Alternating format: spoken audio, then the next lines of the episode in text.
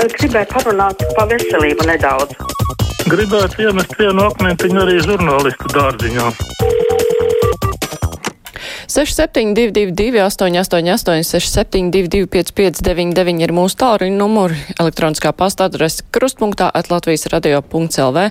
Sūtiet ziņu arī no mūsu mājaslapas. Klausītājs zvana. Halo! Labdien! Labdien! Te Māra zvana. Patīkami. Online vadības rokās ir Latvijas iedzīvotāju veselība un dzīvība. Tik vienkārši. Viena tablete remantadīna un covid simptomi atkāpjas. 20. gada augustā Olaina farma pieņēma lēmumu neizplatīt remantadīnu Latvijā, bet turpina ražot un izplatīt ārzemēs. Varbūt tāpēc mirstība no Covid Latvijā ir visaugstākā. Lūgums visiem zvanīt uz zāļu aģentūru, pārtraukt šo netaisnību pret latviešu tautu. Jā, paldies, bet nav dzirdēts, ka ārzemēs kāds ārstētu Covid ar remonta dīnu. Klausītājs zvana. Halo! Var runāt? Jā, lūdzu! Jā, labdien! Labdien. Šeit, šeit zvan pensionāre, kurai ir vairāk kā 85 gadi.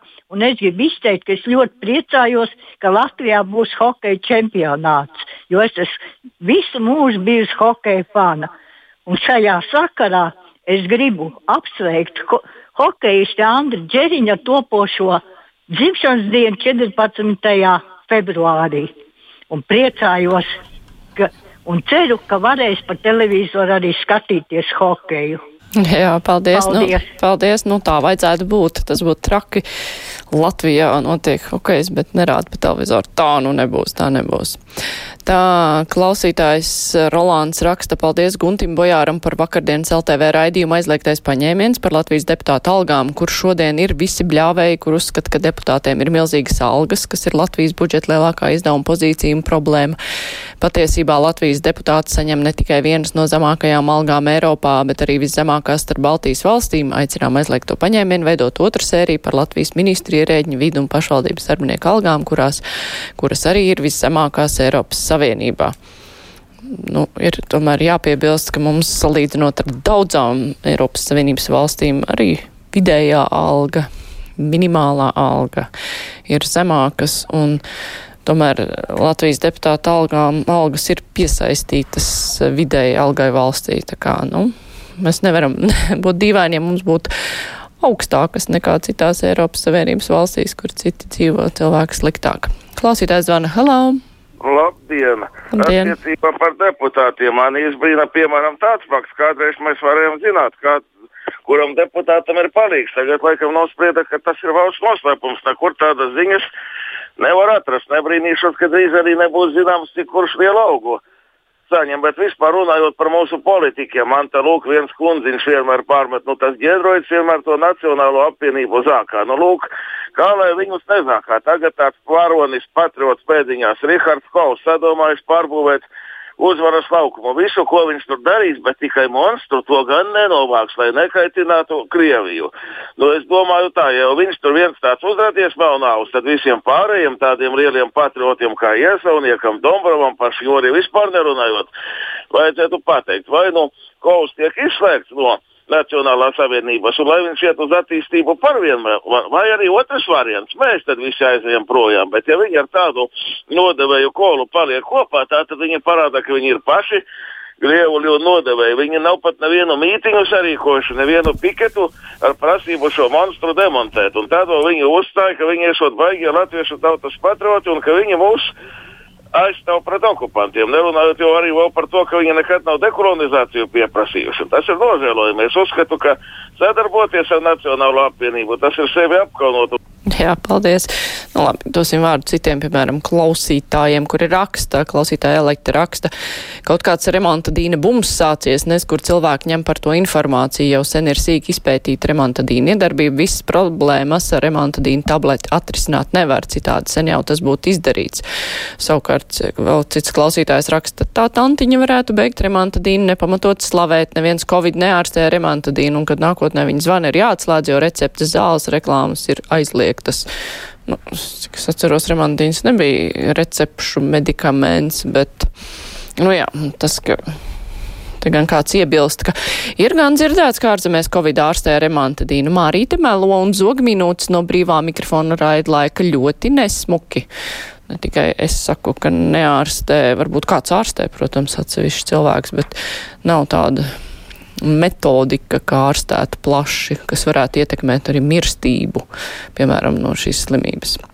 Ieva raksta, dzirdēja, ka Rīgas doma diskutē par sniegu problēmām Rīgā un nevar nekādi saprast, kāda ir tīra iet. Varbūt, lai aizbrauc uz kādu bērnu dārzu un parāda, jo man četrgadīgā meita zina, kāda ir tīra ietve un kāda ir netīra.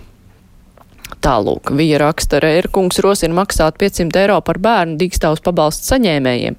Bet kā tad tiem bērniem, kurus audzina bezdarbnieki un invalīdi, ir taču atšķirības saņemot 500 līdz 1000 eiro un 100 līdz 300 eiro mēnesī, vai ne?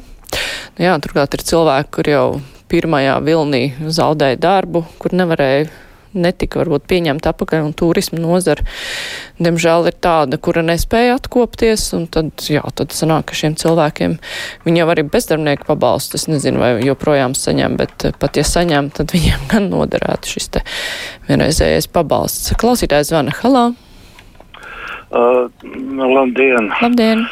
Mm, Piektdienu izvadīju savu uh, klases biedru, kas bija ārstējies Rīgas slimnīcā, un pēc tam arī man zvanīja vēl cits draugs, kas arī bija pirms kādiem divām nedēļām atgriezies no slimnīcas, un arī tagad augsts temperatūra. Domāju, ka šīs slimnīcas jau ir tagad jau gandrīz jau viens no šiem infekcijas avotiem. Un te arī bija raidījums, kā, kā labāk dzīvot. Tur arī tika stāstīts, ka arī tagad jau tāpat ļoti daudz covid slimie, slimnieku, un tie arī ir jāsaņem šie ambulatoriskie pakalpojumi par to, ka arī nav iespējams nemaz nokļūt, ja nav savas personīgās automašīnas. Un rīt būs raidījums par covid vakcīnām, raidījumā, kā labāk dzīvot, jo tur varēs prasīt arī par to remontadīnu. Paldies! Jā, paldies par zvanu. Viesturs raksta, 500 eiro katram bērnam būtu labākais, ko valdība jebkad būtu izdarījusi 30 gadu laikā, bet izskatās, ka Rēra kungs visu sabojās, vēlāk raustīsies, tostīsies, bet nespēs paskaidrot, kāpēc nē. Agnēs raksta, viesiet lūdzu skaidrību, skaidrību, kam tad maksās tos 500 eiro vai cik tur par bērnu. Rērkungs rosina maksāt tiem, kur saņem dīkstāvus pabalstu, bet kas maksās bezdarbniekiem un invalīdiem, kur audzina bērnus. Klausītājs zvana, halo! Halo! Labdien! Labdien! Apbrīnojot, apbrīnojot to Latvijas politiķu darbību, kas sniedz dāsno palīdzību Krievijas un Baltkrievijas disidentiem un, un diversantiem.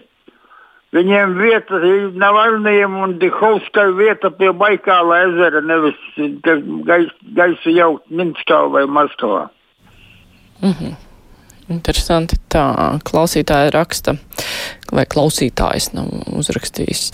Tāda lūk problēma, tas skar labklājības lauciņu. Ir tā, ka pazīstu cilvēkus, kur dzīvo laukos, pāris, bērnu pagaidām nav, vīrietis ir pašnodarbinātais, taču mēnesī reti, kad sanāk ienākumu ap 400 eiro. Sievieti bezdarbniec, jo izglītība tikai vidējā. Tuvākā pilsēta ar autobusu 30 km darba pilsētā atrast ir problemātiski, arī satiksme slikta, jo, piemēram, veikalos vai kādā ražotnē, kur darbs beidzas 23.00 vakarā autobuse vairs nav. Pēdējais autobus no pilsētas attiet ap septiņiem rītos uz pilsētu ap septiņiem no rīta. Sieviete vēlētos strādāt gājumī programmā bezdarbniekos, taču viņu nepieņem, jo redz vīrietim ir savs lielais bizness, kur pat minimālā alga mēnesī nesanāk. Hm, tas ir tā dīvaini vai tiešām nevar tad strādāt, bet, nu, jā, jāpapēta. Klausītājs zvana. Halā! Labdien! Labdien! Radio 1. Jā, kruspunktā, un jūs esat ēterā. À, e, šī lieta lūdzu nopietni nepārtrauciet. Ja? Šī ir man trešā bīstamā slimības karantīna. Pirmā bija 1951. gadā. Visus bērnus vecāki aizveda uz skolu un palikām mēs internetā uz nedēļu. Pārbraucot no skolas teritoriju klāt priekšā bija dzeloņdrāšu žoks, kuru apsargāja armijas drēbēs ģērbti cilvēki. Bērnus ielaida skolā iekšā, vecākus nē. Sesdienā nevienu bērnu nelaida mājā, vecāki atveda nākošās nedēļas pārtiku, kuru iedeva aiz dzenodrāšu žogu un pamājām vecākiem ar roku.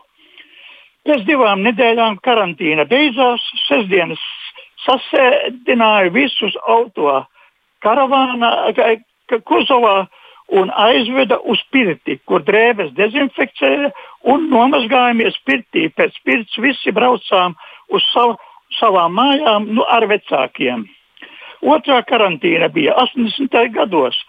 E, precīzi neatceros gadu, kurā tas notika. Tad pie visām ieejas durvīm bija jābūt ziepju zāļu dezinfekcijas kastītēm, kuru šodien nav. Kaukazā uz braucamiem ceļiem, fermās iekšā, darbnīcās un iz, bija izbetonota bedra kurā ieliet ziepju zāļu ūdeni. Jā, es tomēr jūs pārtraukšu. Mums pietrūks laika arī trešajam gadījumam, bet par tām ziepju zālēm, nu tagad ir iespēja dezinficēt rokas, visur ir tie dezinfekcijas līdzekļi. Par to, ka ieslodzīja bērnus nelaid mājās, nu traki, labi, ka tagad tā nav. Adrians raksta, deputāta algas ir piesaistītas korupcijas indeksam. Skaisti tas attiec, ka tos tā kā uz mūsu nākamās stundas tematu. Savukārt Elīna grib pateikt, ka Aidis Tomsons ir pelnījis kādu medaļu par to, ka viņš vakar izturēja interviju ar Elitu Veidemani. Izcils žurnālists, paldies, Elīna. Jā, Aidis tāds ir. Klausītājs ziņas raksta, ja Latvijā sāk darboties Navaļnijam identisks darbonis, valdība to atbalstītu. Hm. Jāsāk ar to, ka mums te nav Krievija un mums uh, cilvēki, kur pauž uh, valdībai neatbilstošus viedokļus, ir papilnām, un viņus neviens neierobežo, un viņi to dara un dara.